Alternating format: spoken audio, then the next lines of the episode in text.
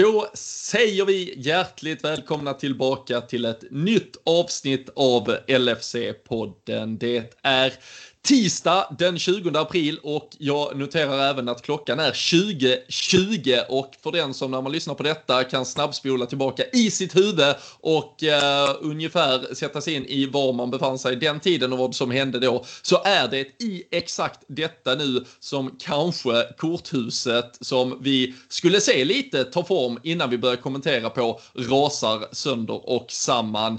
Av rapporter som kommer in nu här precis innan vi tryckte igång så verkar det som att både Chelsea, Manchester City, Atletico Madrid och Barcelona har höjt sina röster för att de inte kommer att ansluta sig till Super League. Vi får väl se vad det blir av det, men det är förutsättningarna vi går in i det här avsnittet med, så det blir lite annorlunda. Vi får se, vi kanske till och med håller oss uppdaterade under avsnittet. Det bästa av allt vore väl att vi fick höra att även Liverpool har tagit sitt förnuft till fånga. Men vi ska försöka få ihop en eh, ordentlig genomgång över vad som har hänt de här senaste dagarna, vilka känslor det har väckt i oss ändå. Och eh, uh, det finns ju sannoliken eh, djuprotade problem att diskutera oavsett var en eventuell superliga hade tagit vägen och vad det skulle kunna bli av den. Så det blir fullmatat avsnitt, men det blir lite på uppstuds. Håll till godo med det och i vanlig ordning så gör vi såklart avsnittet också tillsammans med LFC.com www.se. Det, det, är ju verkligen i dessa tider man kan, eh, om inte annars, rekommendera sajten som eh, håller er uppdaterade konstant. Det har varit fan minutiös uppdatering sedan i söndags kväll när de här eh, nyheterna började breaka ut och eh, man har kunnat hänga med i alla svängar, man har kunnat följa alla kommentarer och eh, det har varit en äh, fläckfri jävla rapportering. Så är ni inte medlemmar så borde ni bli det bara för de senaste dagarnas arbete arbete tycker jag och eh, det har ju verkligen bevisats här hur viktiga vi fans är och hur viktigt det är att mobilisera er. Så in på lfc.se, bli medlemmar i Svenska Supporterklubben så eh, håller vi oss riktigt jävla starka tillsammans. Eh, nu ska jag vara superstark tillsammans med Fredrik Eidefors och Daniel Forsell. Ni ska sätta er till rätta och så kör vi igång ett nytt avsnitt av LFC-podden.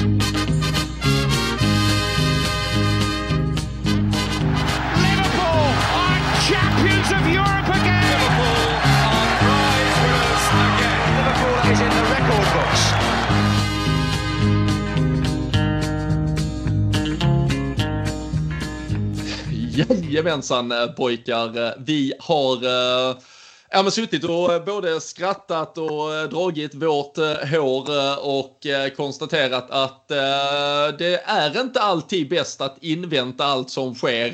För nu satte vi oss mitt i stormens öga istället Daniel för att börja den här inspelningen. Vi tänkte vi låter allting landa lite, vi tar in vad är det som händer, vart är detta på väg? Men det verkar ju som att när vi sitter här nu tisdag kväll att allting faktiskt rämnar mitt framför ögonen på oss.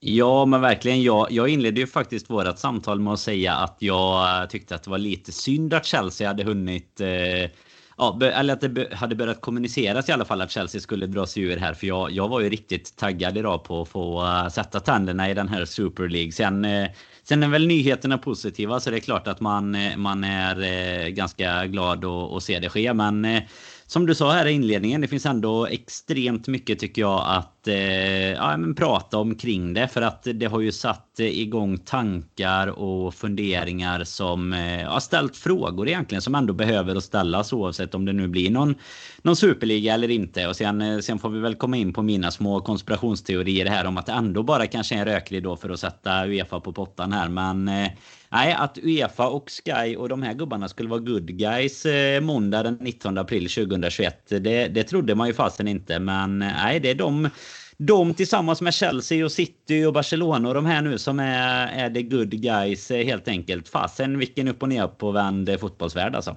Ja. ja, vi ska väl, eh, vi kommer väl eh, spola tillbaka lite eh, kronologiskt för att, för att ta detta. Det har ju någonstans där mitt i allt också spelats lite fotboll. Den matchen kanske får ursäkta lite, men Fredrik, hur har liksom, vad, hur mycket har du tagit i? Vad har du, var har du varit både emotionellt och med allting de här dagarna?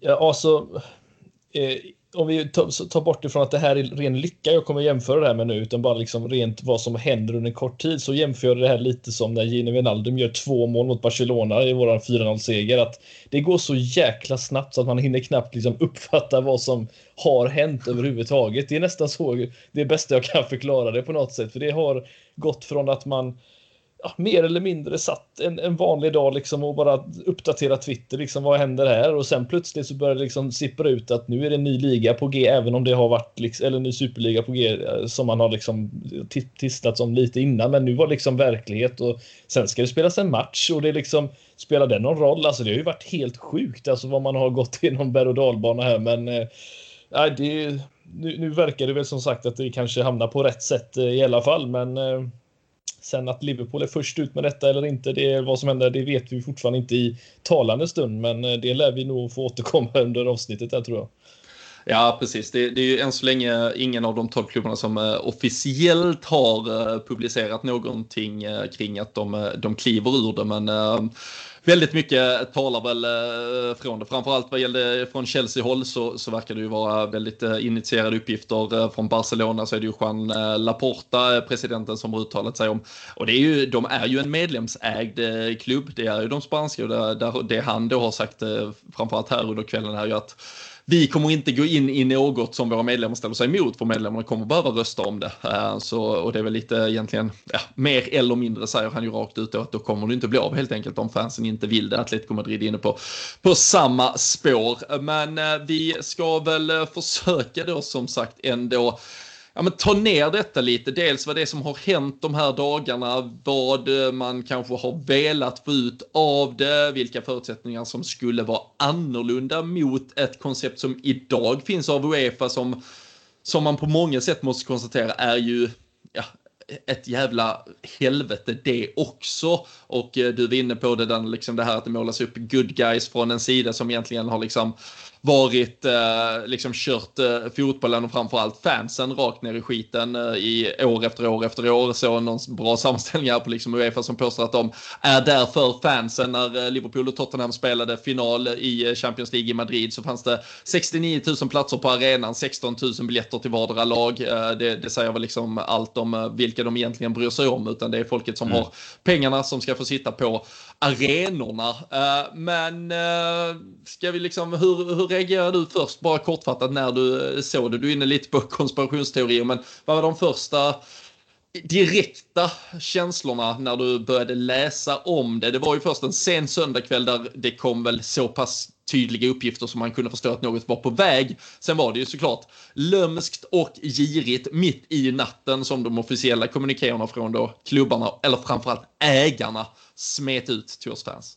Mm, absolut. Jag eh, trodde väl inte att det skulle gå riktigt så fort när man såg, alltså när det började surras om det i, i förrgår på kvällen här. Då tänkte jag väl att ja, ja, nu har det börjat och pratats om det igen. För det är inte första gången man hör eh, pratet om en superliga. Och det var någon som skrev att så här, ja, nu ska de gå ut och bekräfta någonting. Men det kände man väl kanske så här, ja, ja det, vi, vi får väl se vad som händer. Men sen då när man vaknar upp eh, måndag och inser att eh, att det har kommit officiella uppgifter och sådär, då, ehm, ja, då, då, är det ju ändå så pass genomarbetat tänker man att det är någonting som är på gång. Och första känslan så spontant tyckte jag väl var, var lite, eh, ja, men lite bedrövande. Alltså jag har väl nästan vänt lite i det och ändå man har kunnat sitta med första spontana känslan liksom så här bara nej vad fasen är är det här nu då och liksom det här med, med stängd liga och hela den biten. Det, ehm, nej, det gav inga, inga positiva känslor. Det gjorde det definitivt inte första spontana reaktionen så.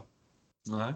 Fredrik, vad var det i det eh, framförallt som, eh, vad reagerade du på om man liksom ändå tänker det i förhållande till att det skulle ersätta ett Champions League? Är det det här med den, det stängda formatet eller var det rädslan direkt om hur det skulle påverka ett eventuellt inhemskt ligaspel eller var, liksom, var det mer att det bara allmänt var något nytt som fick en att liksom bli orolig? Alltså för, för mig så grundar det sig mestadels i, i, i det som gör att jag ens håller från Liverpool från första början. Och det är ju liksom sporten fotboll, alltså att man för, liksom blev kär i den på något sätt. Och den här ligan skulle ju just ta bort det som man eh, som liten kille själv älskade. Det var att tävla, att vinna, eh, förlora tillsammans. Hela den biten av att man förtjänar att faktiskt vinna en, en titel snarare än att man alltid bara är garanterad att få någonting. oavsett. Det är en sån, det var, det var faktiskt spontant min första känsla, men sen började det just sippra upp det här med som du sa då liksom att vad, vad, vad, vad händer egentligen? Det börjar ju komma liksom snack om att ja, men det här, eh, de här lagen kanske inte ens ska få spela i, i ligan och kommer liksom bannlysta därifrån och får börja om i femte divisionen eller vad det nu var. Alltså det, det är ju sådana känslor. Då blir man direkt att alltså, har man under hela den här historien som vi har suttit här i podden i åtta år här och, och många långt tillbaka suttit och pratat om med Liverpool fotbollsklubb och det innebär hela den biten.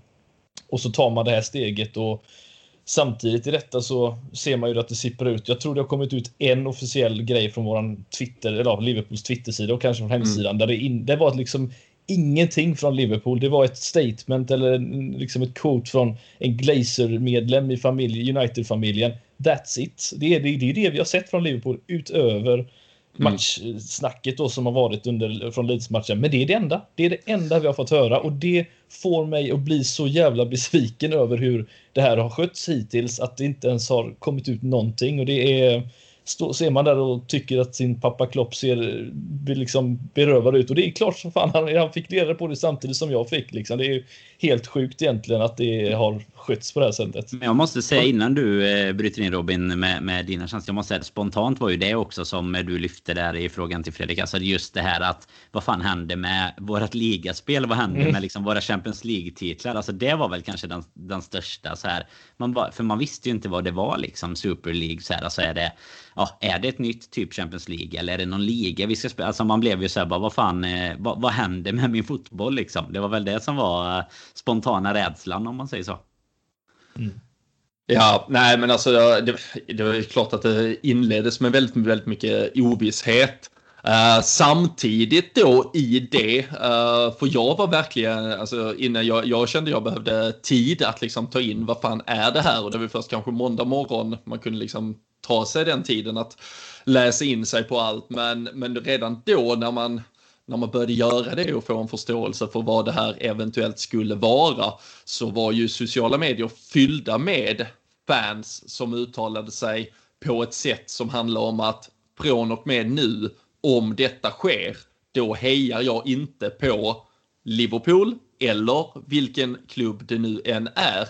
Hur, hur kände ni i den saken, alltså er relation till supporterskapet och att liksom eh, fortsätta heja på Liverpool oavsett liksom i vilken form och tappning vi spelar våra matcher framöver. Har, har ni liksom varit inne i de banorna och, och tänkt hur ni eventuellt skulle behöva resonera om eh, det här nya formatet blev verklighet? Alltså, alltså, så lätt blir du inte av. Ja. Du blir inte av med oss så lätt från podden. Alltså, det, är ju, det är ju så. Nej, men jag, det, jag har absolut. Jag har ju sett diskussionen som du är inne på, men absolut inte en tanke på att eh, det skulle påverka mitt supporterskap något nämnvärt. Jag menar, det har ju hänt, eh, inte kanske under eh, våra aktiva supporterår, men både när Premier League och Champions League instiftades, kanske lite mindre förändringar, men, men ändå så där. Eh, det, det har ju ändå hänt så att folk har spelat olika turneringar. Jag menar Europa League i gruppspel istället för Uefa-cupen. Nu kommer det någon sån här Conference League och så. Alltså det händer ju saker hela tiden. Champions League, det kommer vi in på sen också, ska ju utvecklas åt sitt håll nu också. Så att, eh, att det skulle spela någon roll för mitt supporterskap, det var väldigt svårt att, att se liksom. Eh, det, det hade ju snarare varit om det bara Alltså det, det, kanske hade varit gränsen att det så här, ja nu blir det bara en stängd liga. Det blir liksom in, ingen inhemsk liga, ingenting. Nu är det, det är tio lag som ska göra upp om, eh, om en eh, trofé varje år och det kommer alltid vara samma lag. Alltså liksom att det hade blivit ett eget ett eget nätverk och en helt egen liga. Liksom. Nu, nu hade man ju ändå varit kvar i de inhemska ligorna och liksom, eh, ja, varit kvar i samma system på något sätt. Det är väl, jag tror att det är först då jag hade börjat eh, fundera på, på tanken. Liksom. Vad, jag vet inte, vad kände du där Robin? Nej men alltså där, där alltså för det första var alltså det var ju det, det var nog det sista jag tänkte att jag här och nu ska överge Liverpool Football Club. Alltså det är väl i exakt denna stund klubben, historien, 129 jävla år av blod, svett och tårar behöver oss och våra röster, vi som står kvar här just nu. Om vi här och nu säger att nej, tre stycken amerikanska ägare med förbannat jävla mycket pengar. De lyckades köpa Liverpool för en reapeng 2010. Visst, de gav oss ett par häftiga ögonblick och sen så sålde de in oss till en europeisk superliga och därefter så hoppar alla vi fans av och de hade egentligen, de hade fått, de hade stulit vår fotbollsklubb. Alltså det finns ju inte en chans i helvete att det skulle få lov att hända. Alltså det är ju här och nu och det är ju det vi har sett. Men därför tyckte jag också att liksom bara inställa, alltså sättet man liksom så här approachade från början med att om detta sker, då drar jag. Alltså så här, ja men för det första, alltså grund, principen måste ju vara det får inte ske. Det är ju liksom steg ett, det får inte ske. Och skulle det ske, ja då måste vi aktivt jobba för att det liksom försvinner, att de försvinner, att vi tar tillbaka klubben, att vi sätter tillbaka den där den ska vara. Men den här fotbollsklubben, den är ju varenda spelare som någonsin har passerat, varenda tränare som någonsin har passerat, varenda människa som har stått på Anfields läktare och skrikit för den här klubben, varenda liksom morförälder ner till pappa till barn och dotter och son och alla möjliga som har liksom fått den här klubben ärvd av sig av, av någon före sig och liksom det är ju den, alltså det är den som, eller det är ju för alla dem som den här klubben finns så att då liksom, nej äh, om det blir det här just nu då, då sticker jag uh, och drar vidare. Det, jag, jag tyckte det var en jävligt märklig, uh, en, en märklig take på det. Jag förstår som sagt att man tycker att ens intresse för de eventuella matcherna som skulle vänta skulle avta. Jag var däremot lite överraskad över alla som tyckte att till exempel gårdagens match var liksom plötsligt betydelselös. Tyckte fan inte det känns viktigare på den här säsongen att vinna en match för att liksom komma topp fyra egentligen för att visa att om vi nu den här, de här jävla giriga ägarna hade tänkt köpa sig en plats nästa år, då ska vi jävlar i det visa på planen att vi har kämpat oss till en fjärde plats först och främst. Och, och för mig betyder matchen igår med. Alla andra påstår att man liksom bara satt helt utcheckade och sket i vad som hände på fotbollsplanen igår.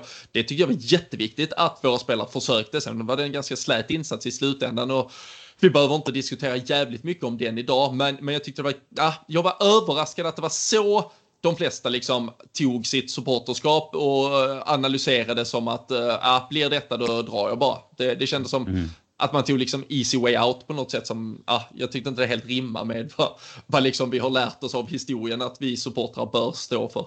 Nej, alltså, jag, jag, är inne på säga... samma, ja.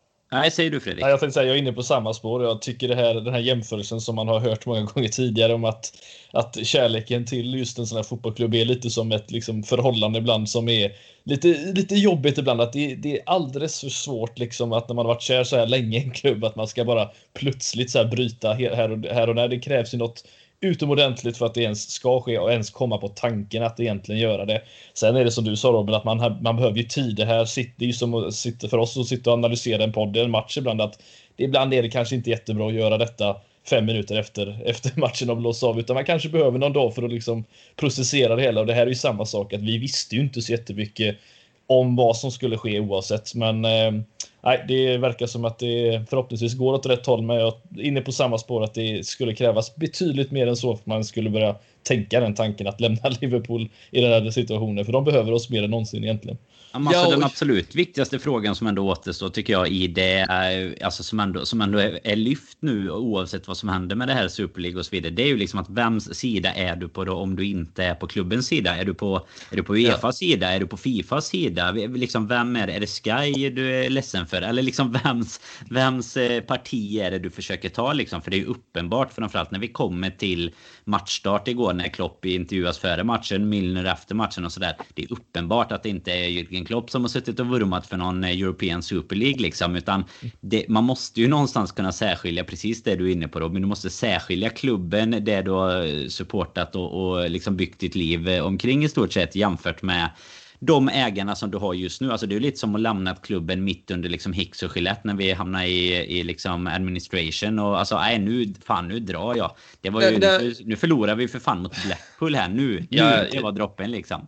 Nej, och jag, alltså i, alltså i slutändan, vi, alltså det är väl om det är något man har lärt sig som supporter, och framförallt är det något man har lärt sig det här jävla pandemiåret när man inte har kunnat vara på plats, när man inte har kunnat uppleva alltså sakerna med, med sina vänner så är det ju, alltså det, det som är min kärlek till Liverpool det är ju att uppleva det med de människorna jag har lärt känna genom klubben, med er och med många andra och att liksom fortsätta vara, alltså vem, var, var, vi spelar och vem vi möter egentligen är sekundär. Så som sagt, allt vad gäller att liksom ta bort ett tävlingsnarrativ, eh, alltså hela den processen, vi, det liksom, kan vi lämna åt sidan. Det är så självklarhet att det var fel och att det är en idiotisk idé. Men att det liksom skulle, alltså Liverpool är, är något helt annat. Det finns, ja, det handlar inte om vad vår klubbägare tar för dåligt beslut för, för om jag liksom är, är med i båten eller inte. Och jag tycker också det blir lite patetiskt när man då pratar, okej, okay, vad väljer man då? Liksom, ah, men eh, en bottenklubb i Premier League, okej, okay, ska du välja någon av de här sex klubbarna som röstade för att man skulle null and voida förra säsongen för att de höll på att åka ur Premier League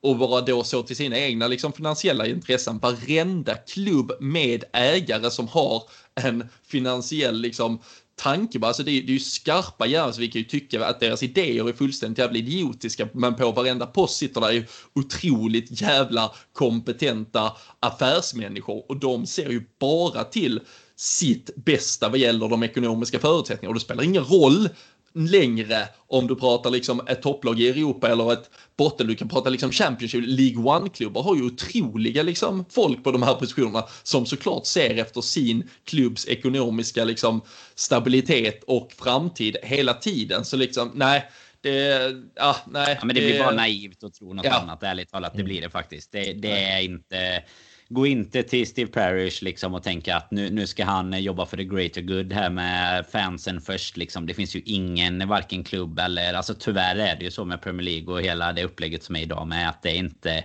Det är inte fansen först. Du erfar inte heller fansen först. Och du nämnde det innan med, med biljetterna. Det är ju samma. Det är bara att ta fa Cup-finalen. Inte nu såklart. Nu kommer det ju faktiskt få vara publik. Det får man jämföra dem med att det, att det är bra. Men jag menar, det, i vanliga fall så har du ju en arena som tar liksom 90-100 000 där du får in kanske alltså 20-30 000 fans var och resten går bara till liksom pampar och sponsorer och sådär. Så det är ju inte... Nej, det, det, är verkligen en naiv världsbild om man tror att, eh, att man ska kunna hitta något där. Då får man nog söka sig i de lägre divisionerna här hemma i Sverige i så fall. Så kan man kanske börja hitta lite riktiga eldsjälar liksom och, och ställa upp som någon materialare där. Då, då blir det äkta i alla fall. Mm. Eller så skulle man ju kunna göra ifall man liksom eh faller pladask för eh, David Beckhams eh, Instagram-inlägg om att competition should be based on merit och så pratar han eh, långt utläggande om hur viktigt det är med liksom upp och nedflyttningssystem i fotbollen och att den är till för fansen och allting. När han själv fick i sitt spelarkontrakt när han skritade på för LA Galaxy att han skulle få en klubb i högsta ligan där man varken kan åka upp eller ner och tog ett par år till att bygga den klubben i lugn och ro och stal lite klubbmärken och lite annat. Så Ja, men David Beckham känns ju som go-to-guy ifall man vill ha um, äkta genuin fotboll som är based on merit istället.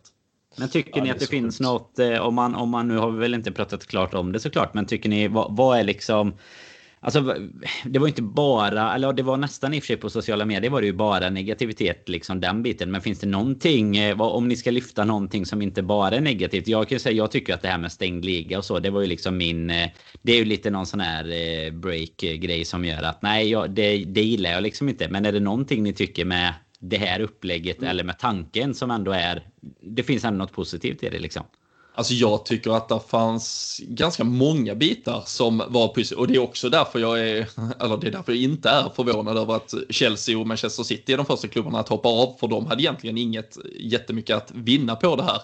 Det som var målsättningen för de här 12 klubbarna och framförallt kan jag då tänka mig de amerikanska ägarna som det då ändå är till Liverpool, Manchester United, Arsenal det är väl britter som sitter i Enix eh, styrelse som har Tottenham, men, eh, men sen så är det ju olika amerikanska och eh, kinesiska konstellationer i de tre italienska klubbarna. Sen vet vi att det bara är enorma skuldberg i de två spanska klubbarna, framförallt ja, men framförallt Real och, och Barcelona. Atletico Madrid har jag faktiskt inte full koll på just nu. Det, det var väl inne något, något företag för tid sedan. Jag har inte full koll på deras ägarvill, men, men, men generellt så är det alltså de här de, de, ser, de driver ju sina klubbar på gott och ont. Det är väl lite det vi ibland har liksom berömt FSG för, att man ser till en sund affärsmodell, att man vill tjäna sina pengar innan man spenderar sina pengar. Det kan vara frustrerande ibland, men samtidigt i ett eh, coronaår så har man valt att liksom betala av sina sina skulder och balanserat sina lån och så vidare istället för att köpa spelare eller göra något annat och så. Och det kan man ju liksom, det är, det är fullt rimligt. Och i den här tappningen så var ju också ingångsvärdet att göra det ganska tydligt att de här 12, och det kan man då tycka är svin, och det, var ju det, det är ju svinigt, att de här 12 skulle få en jävla massa pengar i förhållande till alla som inte är just de här 12. Mm. Men däremot så skulle ju de här 12 få en ganska så Uh, om vi ska säga rättvis spelplan mellan varandra. Det skulle också vara då ett, ja men någon form av lönetak eller liksom ett transferbudgettak på 55 procent av intäkterna och alla klubbar skulle ju mer eller mindre vara garanterade samma intäkter oavsett var du då kom i den här superligan. Sen har du vissa pengar från dina andra såklart eh, liksom intäktskanaler och så vidare, men det här skulle ju vara den stora pengapåsen, vilket skulle göra att du mer eller mindre då har samma förutsättningar för ett Inter som du har för ett Manchester City. Det har du ju såklart inte idag, utan idag har du efter ett pandemiår ägare på 90 procent av de här klubbarna som inte har möjlighet att skjuta till en enda krona för de behöver balansera böcker, de behöver justera och se till att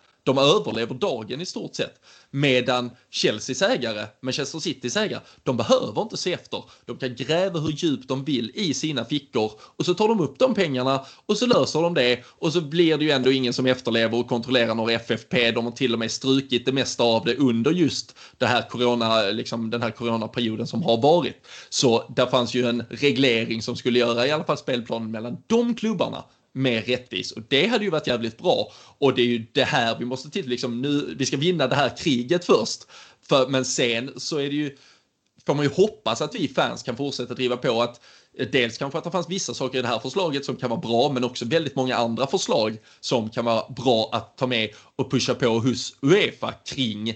För det Uefa kommer att göra istället är ju troligtvis att de kommer ge gehör för mycket av de här. De har ju redan gjort i förändringen till 2024 så att två lag som inte kvalificerar sig för Champions League kommer att göra det via sin koefficientranking.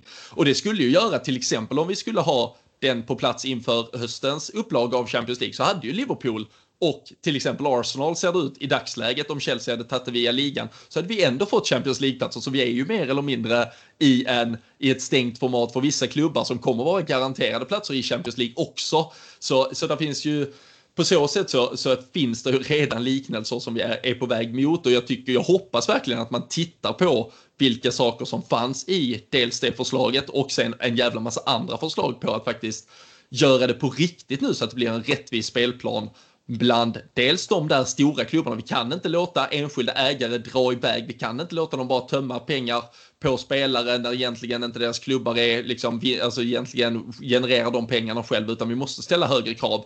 Och vi får väl hoppas att du är, för om de nu påstår att de vill vara good guys, är det på riktigt? Jag tror ju inte det, men det hade varit jävligt sunt om de är intresserade av att vara det. Ja, och hela maktbalansen alltså kring att det, att det hela tiden är Uefa som på något sätt styr och hela tiden har styrt mot det här. Alltså både, både Premier League och Champions League har ju gått åt det här hållet. Detta är ju snarare en, kan jag tycka, en, en, liksom, en ytterligare en gren som växer ut egentligen bara för att du har ju hela tiden gett de klubbarna som är bäst. Det, har ju, det finns ju en anledning till att det inte är så många klubbar som har vunnit Premier League. Och ja, att Leicester liksom var ett, eh, ett 5000 gånger pengarna lag som, som vann liksom. Utan det är ju inte, det är ju inte en helt jämn eh, turnering varken Premier League eller Champions League i, idag heller i den utformningen som finns. Så jämför bara Champions League med hur det var för, ja men liksom de, alltså ta 05 och tidigare och sådär också. Men Liverpool vann. Men då hade du ju helt andra lag som kvalificerade sig och sådär också. Jag menar du har ju, du har ju ändå stängt det mer och mer mot de större eh, ligorna ligorna och de större klubbarna och såklart för att, och lite som du säger där Robin, gå på deras spår och hålla dem nöjda på något sätt och, och såklart eh, för att kanske inte en sån här grej ska hända egentligen då. Men att sen nu, det kan väl vara tvivelaktigt att säga beroende på hur, eh, ja, att de här ägarna och de presidenterna och så vidare som är, det är väl inte kanske alltid heller the good guys liksom. Men att, men att eh, makten någonstans skulle ligga hos klubbarna snarare än hos liksom Uefa. Även om Uefa såklart i, i grunden ska på något sätt representera alla klubbar och sådär. Men det blir ju inte riktigt så eh, känner man ju när, när pengar skickas i bruna kuvert under bordet och sådär. Så att jag kan väl tycka också att lite, lite det här att man försöker ta tillbaka makten över sin turnering liksom. Det finns väl också någonting fint i det. Även om eh, detta kanske inte var helt eh, hundraprocentigt rätt väg att gå så tycker jag ändå att man har öppnat många, många intressanta frågeställningar som kommer behöva tas upp här framöver faktiskt. Det ska bli jättekul att se faktiskt vad som, vad som kan eh, kan hända och vad, vad för, för skillnader som, som kan liksom förändras här nu. För det känns som att har man lyft på den här stenen nu så känns det som att det, det, det är bara en tidsfråga innan fler, mer och mer grejer kommer och jag vet att jag tyckte det var, var så fint också. Jag tror vi alla har sett också lite det som vår vän eh, trots att han var en motståndare igår, men Patrick Bamford pratar om just hur, hur man löser sådana här problem. Att nu eh, hittar vi lösningar, men inte för rasismen på det sättet som man kanske hade hoppats. Och nu, nu känns det som att ja, vi blir hörda på ett annat sätt, eller de, de blir hörda på ett annat sätt. Jag hoppas verkligen att det blir till en väldigt stor positiv förändring. Det, men det får tiden utvinna eh, här i slutändan. Mm. Nej, men det, det, jag vet inte om någon har missat det. Bamfords höger. Han är ju alltid fantastisk måste man Älskar säga honom. i, efter matchen intervjuerna. Det, det är verkligen uh, likable rakt igenom. Framförallt så älskar jag ju honom för att han inte lyckades få en straff när Dejan Lovren rev ner honom mot Middlesbrough när vi tog oss till Champions League-säsongen. Solklar. Den med var Robin, den med var. Ah, ja, det, det skulle jag. Ja, den satt ju, den hade, den, Vi hade kunnat den ta satt jag och Robin och, och, tog från läktaren där kan man säga i alla fall. Den var för fan, det har inte funnits en solklar straff som inte har blivit straff nästan. Låg, låg över honom faktiskt. Men, uh, ja, precis. Men uh, nej, precis. Han sa, han sa i eftermiddag att det, det är ju beundransvärt någonstans, eller liksom uh, otroligt hur, hur vi kan mobilisera och liksom de, de styrande och liksom alla kan, kan vara så här eh, starka och handlingskraftiga när det plötsligt rör deras pengar i fickorna eh, medan man kan vara tyst så länge när det gäller andra saker som till exempel rasism. Och eh, det ligger ju verkligen något i det. Och eh, det är väl kanske med dem eh, och den utgångspunkten vi kan ta oss lite vidare då kring diskussionerna som har varit här just kring hur det har skapats någon någon god sida eh, mot eh, detta Super League-monster. Eh, väldigt, väldigt påhejat och drivet av, eh, börjar väl egentligen med startskottet att eh, Gary Neville höll sin plädering. Eh, det var väl i samband med eh, Leicesters eh, fa Cup-semifinal eh, mot Southampton i eh, söndags tror jag det var på, eh, från en match i alla fall, jag tror det var därifrån. Och eh, fick väldigt många fans att med hull och hår eh, bara svälja allt han sa. Och man kan ju tycka såklart att det han säger är jättebra, men och det fortsatte ju igår, Monday Night Football var ren och skär propaganda egentligen. Eh, det var ju ganska imponerande också. De lyckades då sända sitt eh, försnack eh, live gratis på YouTube för alla att se. Sen när det var dags för fotbollsmatch då fick man gå över till pay-per-view och köpa matchen. Så mycket för fansen. Men, äh, men Danne, Gary Neville och, Jamie Carrey har väl varit liksom, de mediala rösterna framförallt för detta. Och till och med Sky Sports gick väl ut med någon officiell eh, kommuniké om att eh, de tar ställning för fansen här och så. Det, vi, vi, kan och vi kommer återkomma till fler eh, bovar i dramat. Men eh, hur ska man tänka där? Alltså jag, jag förstår vissa som tycker att ja, men det är bra att de måste ändå före denna tag. Det är viktigast att vi vinner det här slaget så får vi ta kriget sen. Men är det då okej okay att folk som ändå egentligen sitter på pottkanten vad gäller de här frågorna till vardags och som liksom skimmar folk på deras eh, sista besparingar nu ska få, ska de få lov att vara de här rösterna? Jag har i alla fall, det har jag haft jävligt svårt att jag vet inte, någonstans acceptera men framförallt att finna mig Jag tycker inte det är dem, det är inte, det är inte för dem vi gör detta här. Det är inte de som eh, ska få tillbaka sin fotboll, det är vi. Ja, men det, jag håller med dig 100% där. Och sen är det väl så såklart då att de blir väl två röster som syns väldigt mycket just för att de har det formatet de har. Men anledningen till att de har det formatet är ju också precis det du är inne på. Alltså visst, det var ju, det var jättesnällt att, att sända det gratis på Youtube eller vad, vad du sa att du såg det någonstans. Men eh, att eh, sen då dra, nej nu är det match, då, då är det bara swisha in era 20 pund eller vad, eller vad det kan tänkas vara liksom för att eh, för att bara eh, kika första tio minuterna liksom. Så det funkar ju inte eh, så. De, jag, precis som du säger, jag har också jättesvårt för att det är de två som eh, sitter där och även andra som är liksom kopplade till alltså det här när, när Uefa sitter och, och drar massa uttalanden och sånt också. Det, det är liksom bara vänta nu då på att de ska dra ner priserna och alltså det, det kommer ju inte hända. Jag vet att du la någon tweet om det där när man liksom tar betalt för typ Burnley, Sheffield United i, i pandemitider och sådär också. Så det, det är ju inte eh, rätt personer som... Eh, sen är det väl bra att alla röster kommer ut på något sätt och det är väl lite känslan tycker jag är ju att de hade ju lika väl kunnat vara åt andra hållet om de visste att det var ditåt eh, sentimentet eh, var liksom. Att det är lite sådär anpassa sig för att eh, deras publik på, på tv ska tycka att det är bra ungefär. Och det är väl lite så som det är med väldigt många i just mediasfären, journalister och sådär. Alltså det känns inte alltid Nej, man blir väl, man blir väl lite sådär eh, konspiratorisk som jag sa här i början. Det känns inte alltid helt genuint att det är de som sitter där och liksom ska vara de, eh, de snälla grabbarna helt plötsligt. Eh, för att eh, jag menar, du kan lika gärna känna så här att de sitter där på Sky och kritiserar det för att de inte har fått frågan om att få sända det ungefär. Alltså det kan lika gärna vara, vara det. Att de alla ser sitt eget hus som du så fint sa innan Robin. Och det mm. gäller ju inte bara klubbarna utan även de här bolagen såklart. Alltså jag tycker det var så fascinerande också just som du sa där i början Robin att eh, alltså det med good guys och bad guys och liknande. Alltså alla som det känns som kommer ut med något positivt som man har som man, ja, någon, någon köper i slutändan. Det går alltid att gräva fram någonting liksom mot, mot, motsatsen liksom som någon har gjort tidigare. Det känns som att det går inte att vinna en sån fight för du har alltid liksom någonting dumt gjort det tidigare som du alltid kan gräva upp på något sätt. Det känns som att det går inte att komma bort ifrån detta på något sätt. Alla, ingen som glömmer det helt enkelt. Så att, eh, nej, det är herregud, det här är en jävla saga. Alltså, det är, kommer bli en bra dokumentär detta någon gång i framtiden killar. Det är jag helt säker på. Jag kan uh, meddela att det, det kommer rapporter as we speak att Ed Woodward har avgått från Manchester United och uh, det känns ju lite hemskt att de ska komma ut som vinnare ur allt detta i så fall. Uh, Nej, ja, det vilken, alltså, herregud. alltså vilken jävla vecka ändå. Alltså det var ju match mot Leeds med men det är ju... Ja men det är inte ens vecka. Det har gått ett, kommer man ju glömma. Liksom. Dygn ja. Det kändes fan alltså vilken... Uh... Ja, jag, trodde ja, fred... jag trodde det var fredag ja. när jag vaknade i morse. Det var tisdag. Ja. Alltså igår var... Alltså jag tror jag såg för det första. Jag vaknade typ... är borta också, har ni sett det?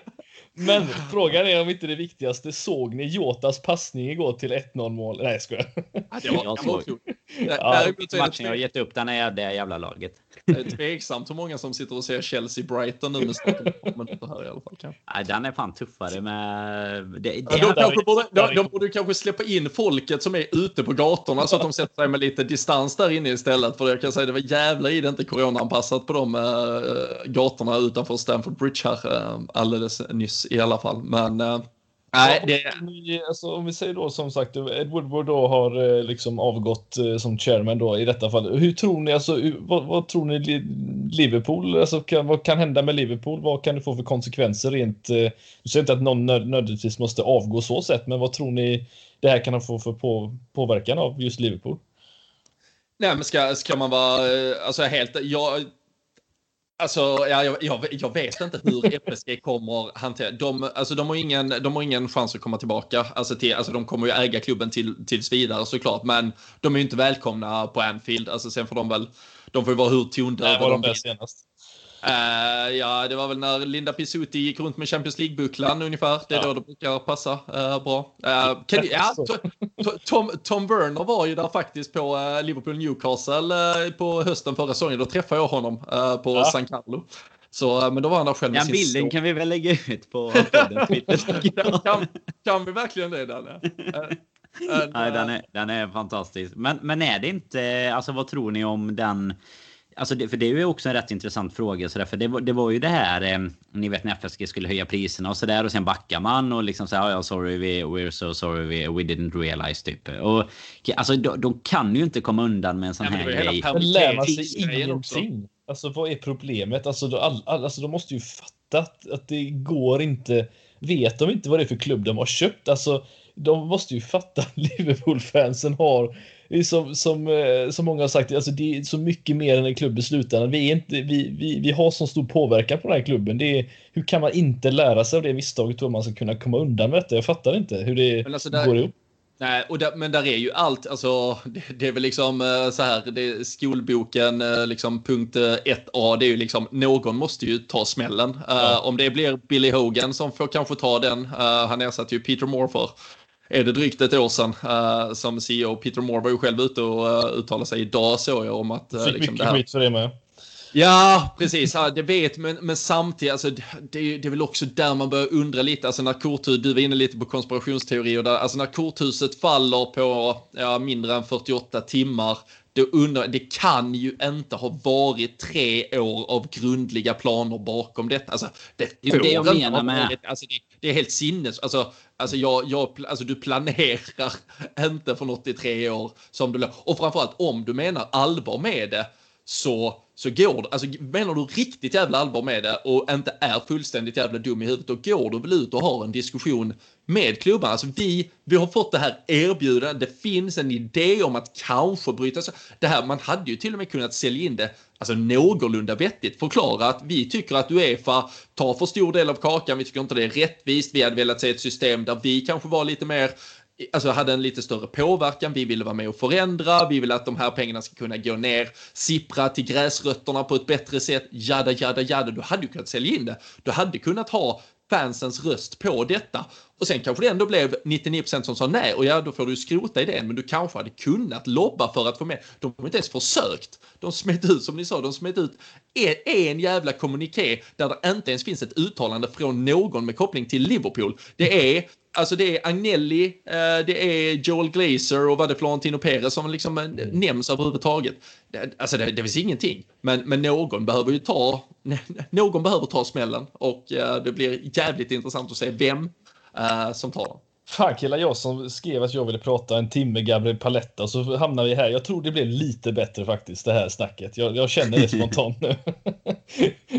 ja, ja, Ja, det verkar... Det, det, är bekräftat att Ed Woodward eh, i alla fall. Ja, uh, jag såg det precis med Athletic. Då vet man att uh, Whatsappen har varit igång och det är någon som har skickat något och det, då, är det, då är det bekräftat i alla fall. Nej, ja, fy fasen alltså. Vad, vad tyckte ni om Leeds då? ja, jag vet Tjena, inte.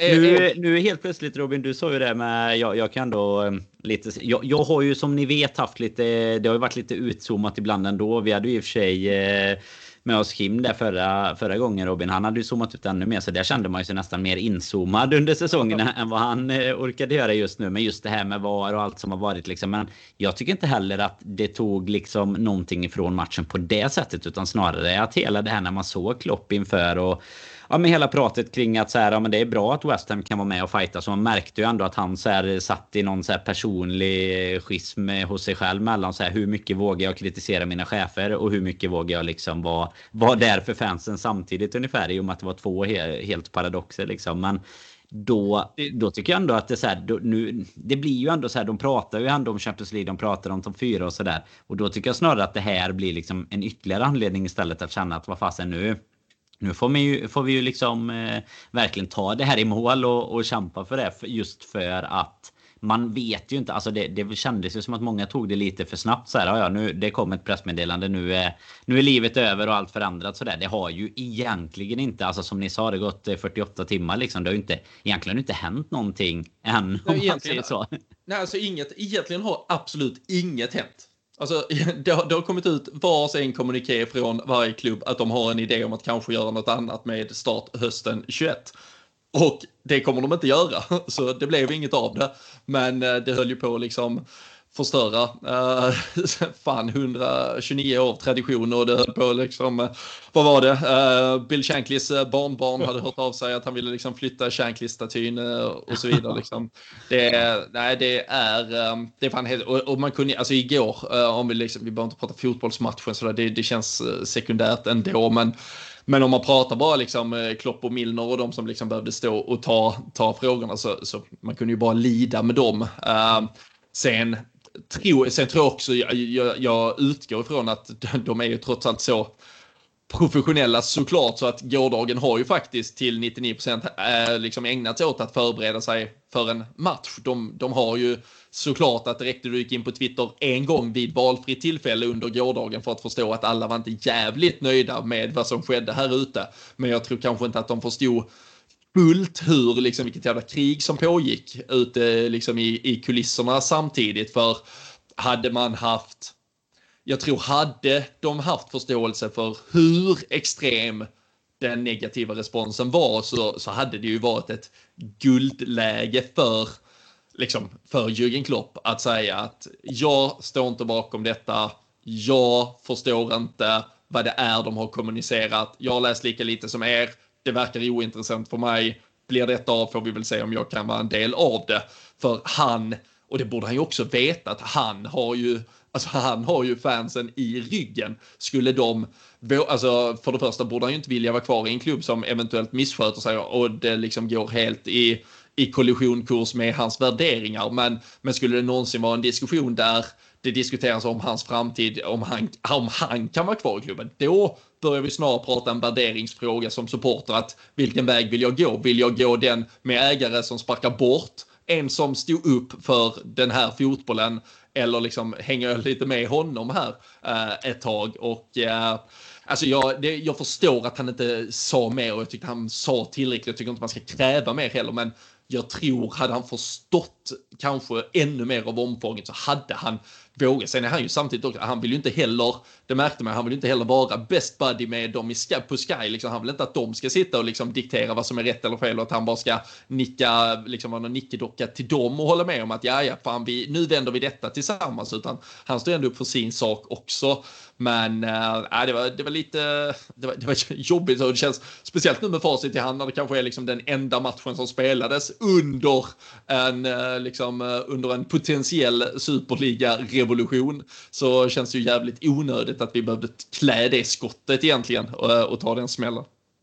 Ja, verkligen. Det dessutom alltså hela, det, det, blir ju negativt. Det blir väl framförallt nu. Nu händer det ju som sagt grejer i, i United där, men det, blir, det känns ju som att det är ah, Alltså City och Chelsea har väl redan... Eh, de är ju inte på liksom eh, best course med hela fotbollsvärlden redan som det är med alla pengar och sånt som har strömmat in. Utan det tar ju mycket, mycket mer heder ifrån klubbar som Manchester United och Liverpool som liksom ändå är alltså, fundamentalt uppbyggda i många, många år och är de två största klubbarna i England och sådär. Det, um, det kommer ju vara, det kommer ju vara mer smolk i bägaren för, eh, för oss två tror jag. Även om det nu då kanske leder till lite förändringar också. Jag vet inte, vad, vad tror ni att det kommer kunna leda till? Någon sorts eh, reprimander i, eh, i liksom antingen ja, i Uefa-turneringar eller i Premier League? Eller finns det helt enkelt för mycket pengar och, mm. och kräma ut för, till advokater? Nu läser jag även att Agnelli Juve också är out här mitt i, mitt i brinnande stund här. Det är... Ja, du kan väl få svara på den frågan Robin sätt, om du vill. Var det ett sätt att få eh, bra fallskärmar? Var det det som var European Super League? Att få ut eh, en bra fallskärm som eh, ordförande i, i klubben? Ja, ja det, Agnelli has reportedly resigned from his role as president of Juventus. Ja, vi får väl... Um, ja, det är... Uh, det är sinnessjukt det som sker just nu. Uh, kommer jag känner mig taskig Daniel som inte svarar på din fråga just nu. den kom, den kom jag, tänkte, jag tänkte säga att jag minns knappt vad det var men, uh, men det var väl något om reprimander va? något sånt där ja. Ja, herregud. Kan, de alltså, ta, kan de ta bort alla poäng från City och United och bara låta Leicester eller West Ham vinna ligan så hade det, då hade superligan varit det bästa vi någonsin har gjort. Nej, men alltså ska man, nej, ska man vara, alltså, ta något lite seriöst. Jag ty, återigen, jag tycker inte, alltså spelarna, tränaren, alla involverade där. Jag, jag tycker liksom inte att Pep Guardiola ska förlora chansen att vinna eh, Premier League igen, att han ska förlora chansen att vinna Champions League uh, nu. Uh, och Uefa lär väl då också dra tillbaka alla sina hot om liksom, direkt uteslutning nu. Det verkar väl i och för sig också vara juridiskt omöjligt att de skulle kunna eh, göra det. Liksom, det finns en fri konkurrens på eh, EUs eh, inre marknad och så vidare. Ehm, även, för, även om de engelska klubbarna inte indirekt eller direkt tillhör EU så finns det då den europeiska marknaden som de ändå konkurrerar på till viss del och så vidare. Det är ett jävla gissel allt det där. Men, men att man skulle liksom straffa fotbollsdelen av klubben tycker jag hade varit fel just nu, alltså om vi pratar resultatmässigt eh, och så vidare.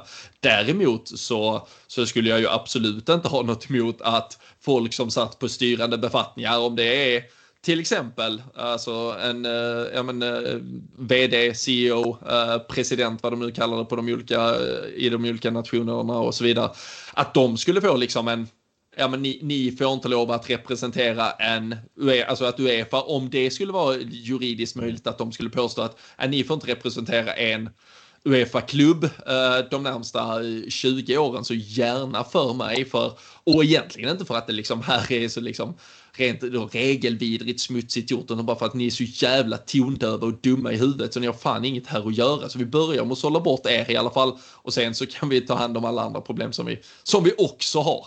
Men det är ju det som är så irriterande bara. Jag skrev det lite igår att alltså när all den här informationen kom ut och, och Leeds var ju ganska, även om det kanske ibland var lite ironiskt på hur, hur de gjorde det, men de var ju seriösa på det också såklart. Att det, det lät ju nästan som att Klopp var den stora boven när han står liksom och får ta all den här skiten. Det är så, han är inte ansiktet utåt för Liverpool när det gäller den här delen. Så det är inte spelarna heller, precis som du nämnde med att Guardiola ska kunna ta Citys första typ CL-titel eller vad det nu kan vara. Alltså, det är inte han som har valt detta heller. Alltså, det är så sjukt att det är de ansiktena som får ta skiterna just nu när det, som du säger, det sitter folk i sina kostymer på någon lyxbåt någonstans och tar de här besluten. Det är ju de som måste, och det verkar ju nu som sagt att det är flera som, som det här kan, kan hända för om då Agnelli är borta och så får vi väl se om den här största clownen av dem alla, Florentino Perez, vad som händer med honom. Men det är ju alltså det är många som är inblandade och som sagt någon, någonting måste ju hända med dem. Jag hoppas verkligen att de pekas ut så tydligt så att det är omöjligt att komma tillbaka för det är eh, patetiskt vad de har dragit ner sina klubbar i, i, i skiten i slutändan. Det är skittråkigt att se verkligen. Det känns som att alla avgångar och sånt gör att mina konspirationsteorier faller lite liksom. För det kan de ju fan inte ha planerat i alla fall. Att, så här, eh, att alla helt plötsligt skulle avgå i någon sorts uh, protest. Alltså det är ju, det är ju ett försök liksom. som bara sköt. Alltså, alltså, det är ett försök som bara liksom backfired otroligt i det här fallet känns det som. Det, är, det var ett försök de försök, verkligen ville gå igenom. Men det är, de underskattar helt enkelt vad ja, de kan inte vara så dumma. De har ju drivit klubbar i många år de här människorna så jag fattar inte liksom hur Nej, Nej man undrar ju verkligen. Man, man hade ju så jäkla gärna velat eh, ha, ha hört lite från de här mötena. Så man undrar ju hur... Om de tänker att det skulle vara en positivare reaktion eller liksom vad det... För nu var det ju något helt eh, monumentalt. Alltså det är ju som sagt, det finns ju ingenting. Jag kan inte komma på någonting som folk har samlats. Alltså det är ju typ eh, covid som är det enda som har varit värre än alla liksom lockdowns och sånt. Men detta är ju typ nummer två där alla samlas och Boris Johnson står i bygghjälm och snackar på något, eh, liksom något an helt annat möte bara om hur Super League måste stängas ner och förhindras liksom. Men det här eh, måste ju vara utanför alla planer och det blir ju en helt, eh, en helt otroligt eh, spännande följetong här i veckan för, för någonting kommer ju hända med, med FSG eller som, som ni var inne på om det nu är Billy Hogan som får ta ta smällen. Men någonting kommer ju hända. Det måste det göra alltså. Jag är bara jäkligt glad att jag har eh, en hel veckas ledighet här nu så jag slipper missa någonting. För det känns som att jag jobbat så hade jag ju gått miste om all information och inte fått uppdatera Twitter förrän klockan åtta på kvällen. Det, Nej, alltså utanför, då har jag missat allt. Ja, utanför planen. Alltså visst med tränare och, och transferfönster och sånt. Men alltså utanför planen är ju det här typ det mest spännande som har hänt ja. sen FSG tog över. Alltså så här när, när eh, vi var i rättegångar och, och, allt var negativt och det helt plötsligt bara sipprade om att nu, eh, nu kommer det nya ägare här och det kommer lösa sig liksom. Detta blir ju typ eh, nästan motsvarande även om inte jag satt i någon FSG Outbåt i, i liksom söndags morse men den har man ju den, den börjar ju ta in vatten snart så jävla fullt med folk som det är i, på det fartyget alltså. Ja, nej, verkligen. Det kommer något eh, väldigt eh, ja, äh, än, än så länge väldigt obekräftat på att äh, FSG, om detta nu blir, äh, ja, det, det, kommer ju att, att gå åt helvete att de skulle titta på att kanske sälja klubben direkt. De, de har gjort en otrolig vinning redan så det, det har de väl egentligen inget jättemycket emot att göra. Men äh, framtiden är ju eh, sannoliken oviss eh, för allt och alla och vad gäller allting egentligen just nu känns det som. Vi äh, brukar ju normalt sett bara göra ett avsnitt så här emellan äh, att det har spelats match, men vi kan väl lite beroende på vad som händer så kan vi väl kanske ställa dörren på Glenn till att det kanske kommer, eh, om det blir fullskaligt eller om det blir eh, någon liten mindre kommentar eller vad det blir, men att det kanske blir ett avsnitt till om det dels blir bekräftat från Liverpools del att vi drar oss ut, vilket vi får hoppas med tanke på hur läget ser ut i alla fall just nu när vi eh, spelar in och eh, avslutar detta. Men, eh, men också att det kanske blir något efterspel då vad gäller antingen FSG direkt eller några andra personer i ledande befattningar och så. så vi, vi, får väl hålla, vi får hålla det lite öppet. men vill ni säga någonting om eh, matchen, resultatet, eh, Klopps eh, val av spelare och så vidare igår? Och det väntar ju dessutom en Newcastle-match på, på lördag, tidig avsparkstid, när förhoppningsvis krutröken har lagt sig lite från den här helt sinnessjuka veckan. Alltså jag, jag, kan väl börja med att säga att eh, även om det som sagt känns konstigt att prata om det på något sätt så, så var det ju lite sådär öppet mål eh, inför den här matchen eh, just med tanke på att Leicester förlåt, West Ham eh, gick och förlorade eh, senast också och att det känns som att det är ju, det är ju de, Chelsea och ja, jag tror att Leicester kommer att, att, att falla lite ännu så att det känns som att det är Chelsea som tar platsen och vi får jaga därefter och det kändes lite som att vi har blivit serverade de senaste veckorna och vi har ju visst vunnit några matcher här nu så sett men det här var ju, hade vi vunnit den här matchen eh, som vi var väldigt nära att göra så känns det som att det hade verkligen eh, satt ner foten lite ytterligare och tagit det steget. Nu är vi ju inte jättelångt ifrån ändå men det är inte många matcher kvar och eh, ja, vi kommer ha några tuffa matcher eh, kommande också så att det är eh, jag var lite besviken att vi inte kunde hålla ut som sagt i, i det sista eh, utan att det fick eh, släppa in det där målet för tre poäng igår. Då hade det varit. Eh, det hade som sagt som jag säger alltid betytt väldigt mycket, men extra mycket igår då med tanke på situationen som är och det är lite synd att vi inte kunde hålla hålla ut det sista bara. Det var ju också en uh, helg som hade passerat med resultat som verkligen föll oss uh, mm. i väl till par. Alltså dels redan på fredagskvällen Everton, Tottenham. De är såklart ett par poäng bakom, men det, alltså det är ju tajt. Det är ju många lag där uh, precis mellan liksom Champions League, sista Champions League-platsen och egentligen hela övre här halvan eh, där det kan sluta i ett getingbo. Så där var det ju ett bra resultat. Eh, West Ham som levererade också ett fint resultat för, för vår del eh, så sett. Och eh, det var ju en chans när vi, när vi hade tre poäng så var vi uppe på 55 och på en fjärde plats i tabellen. Nu väntar ju samtidigt Newcastle på lördagen och det är ju ett Newcastle som har tagit faktiskt en del poäng här på senaste tiden och eh, då kan man ju antingen se det som eh, dåligt för att de är uppenbarligen tillräckligt bra för att eh, vinna lite matcher men man skulle också kunna se det som ganska positivt för de ser ju inte ut att vara indragna i den direkta bottenstriden längre och dessutom får vi väl utgå ifrån att Mohamed Salah då startar återigen efter att ha börjat på bänken senast. Absolut. Nu, det var ju de som slog West Ham senast här i, i helgen, även om West Ham fick en ganska tidig utvisning där med. Men hade ju som ni säger varit otroligt viktigt att ta de två sista poängen. Det är ju inte, det är inte första eller kanske sista gången man drömmer mardrömmar om en vitklädd Jorente. Alltså, det, har ju, det har man ju gjort för eh, efter Swansea-tiden i Premier League. Men eh, nej, det, Newcastle ska vi ju inte ha några problem med. Alltså, det, har man väl sagt eh, många gånger den här säsongen. Det har man sagt förr. ja, det har man sagt förr. Men vi ska ju inte ha problem. Och lite som du säger, det finns väl en viss positiv bit i att de nu då är åtta poäng före Fulham på nedflyttningsplats och, eh, och dessutom har Fulham en match mer spelad och sådär. Men jag är ju mer orolig om jag säger mer nästan mot alltså vad som händer runt om oss. Chelsea väl slå Brighton idag. Sticka iväg så att de är fyra poäng framför och sådär. Så det, det hade ju varit eh, otroligt viktigt. Som, som du säger Fredrik, vi sitter och säger det precis varje vecka nu. Men det är väl så i upptakten på en säsong. Och nej, det... Nej, det, det, är inte, det ser fasen inte bra ut tycker inte jag i topp 4 längre. Det, det såg så bra ut fram tills eh, Jurante gjorde målet igår. Eh, kanske inte i matchen för sig, men alltså i, i tabellpositionen. Men så eh, att vi tappar det var, kan, det kan vara eh, extremt tungt i slutändan. Men det var väl skönt att Mané gjorde mål i alla fall. Han, eh, han lyckades hitta buren igen. Så att om både han och Salah kan leverera lite här det sista så, så kanske Mm. Ja, det var ju med nöd och näppe trots öppet mål. Den ja, eh, slickade väl stolpen till slut. Han brände den första alltså. Fy fasen. Eh, då, då hade det varit över alltså. Då hänger man skorna i björken och ja. klipper. Jajamän. Fy fan. Då, då, då, då, han hade fått spela kvar ensam i uh, Superliga i alla fall. Uh, han och uh, Oxlade kanske, Fredrik? Eller vad säger du? Fy fan. Det är... Vilket inhopp! Vilket inhopp!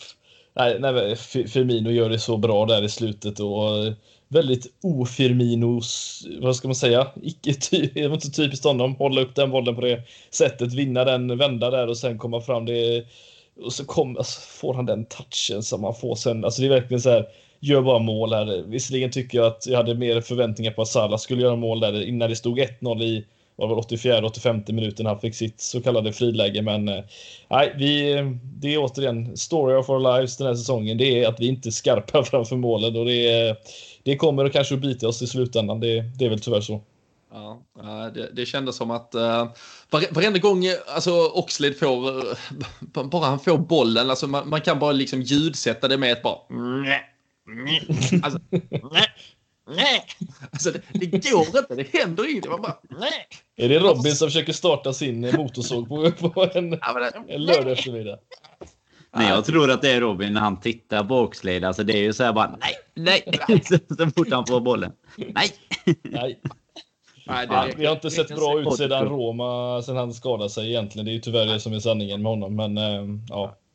Nej, det är eh, tack och hej för honom i, i sommar eh, får vi väl eh, hoppas eh, på. Eh, han kan gå och spela competitions based on merit borta hos David Beckham i Miami tycker jag. Uh, ja, men, vi, vi lär ju uh, behöva pengar nu när vi inte får 350 miljoner euro i, i fickan heller. Så att uh, kan vi utnyttja de pengarna någon annanstans. Ja, LeBron James får uh, swisha. Så, så täcker vi eh, den kakan. Men eh, nej, det, det, här har ju varit ett eh, jättemärkligt avsnitt. När, när ni där hemma lyssnar på detta så kan ju saker och ting ha förändrats igen. Så det här får väl lite ses som en ögonblicksbild. jag tror att vi ändå fångade lite av de känslorna som hela det här spektaklet ändå väckte och som mycket av det är saker och ting man kommer att bära med sig Förhoppningsvis eh, så eh, vann vi slaget här mot en eh, superliga just i det formatet. Men det är ju ett krig ändå som, som fortgår och eh, man kan ju bara hoppas på att eh, det blir så revolutionerande som till och med när Boris Johnson då, premiärministern har varit ute och uttalat sig under dagen här att eh, han skulle kunna tänka sig att liksom arbeta aktivt för en 51% regel likt man har i Sverige, likt man har i Tyskland och så vidare. Jag tycker och hoppas att vi kan få hårdare efterlevande av Financial Fair Play eller något efterlevande överhuvudtaget. Hade väl varit en skitbra start till exempel det bör kunna diskuteras om det är lönetak eller vad det är som ska på plats för att vi faktiskt ska minska klyftorna istället och göra så att alla kan bli eh, välmående fotbollsföreningar eh, istället för de jävla,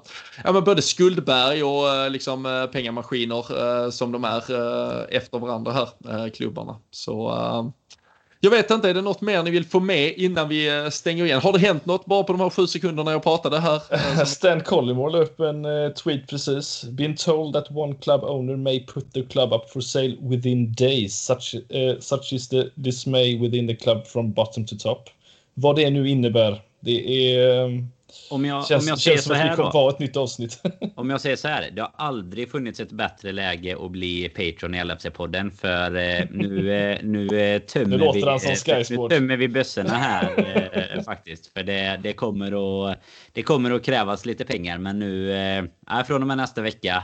Om jag ska ge något tips om jag inte tippar resultattipset så är det att, att det är majoritetsägare. 51 i, i Liverpool är LFC-podden. Så ja. kör vi bara poddar sen. Vi kör inga matcher.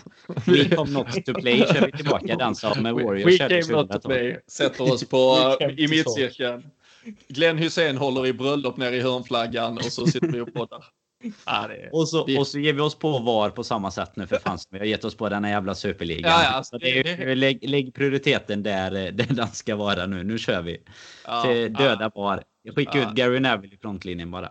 Ja, men det är helt uh, otroligt. Och det är helt rätt. Det är fan, det är ju det vi ska göra nu. Nu ska vi fan fortsätta kriga. Har vi, har vi orkat med det här uh, i 48 timmar så kör fan, kör 480 timmar nu så innan vi fan får ordning på allt jävla skit som försiggår ute i fotbollsvärlden. Men uh, ja, ett slag förhoppningsvis vunnet som sagt. Vi får väl all anledning att återkomma. Uh, blir det någon eh, stor jävla bomb som briserar så ska vi nog se till att uh, få ut någon kommentar kring det också. Men det här var dagens avsnitt, tisdag den 20 april, alltså mitt i stormens öga. Vi tackar för att ni har lyssnat. vi hoppas att ni hänger med oss framåt. det blir såklart tipstävling på Patreon som vanligt här inför Newcastle-matchen. Och och eh, vi eh, förhoppningsvis kan då få ut eh, kanske något mer här framöver. Men vi tackar för att ni är med oss. Det är ju tillsammans med er som det här blir jävligt roligt att göra och vi hoppas att vi hörs och ses snart igen.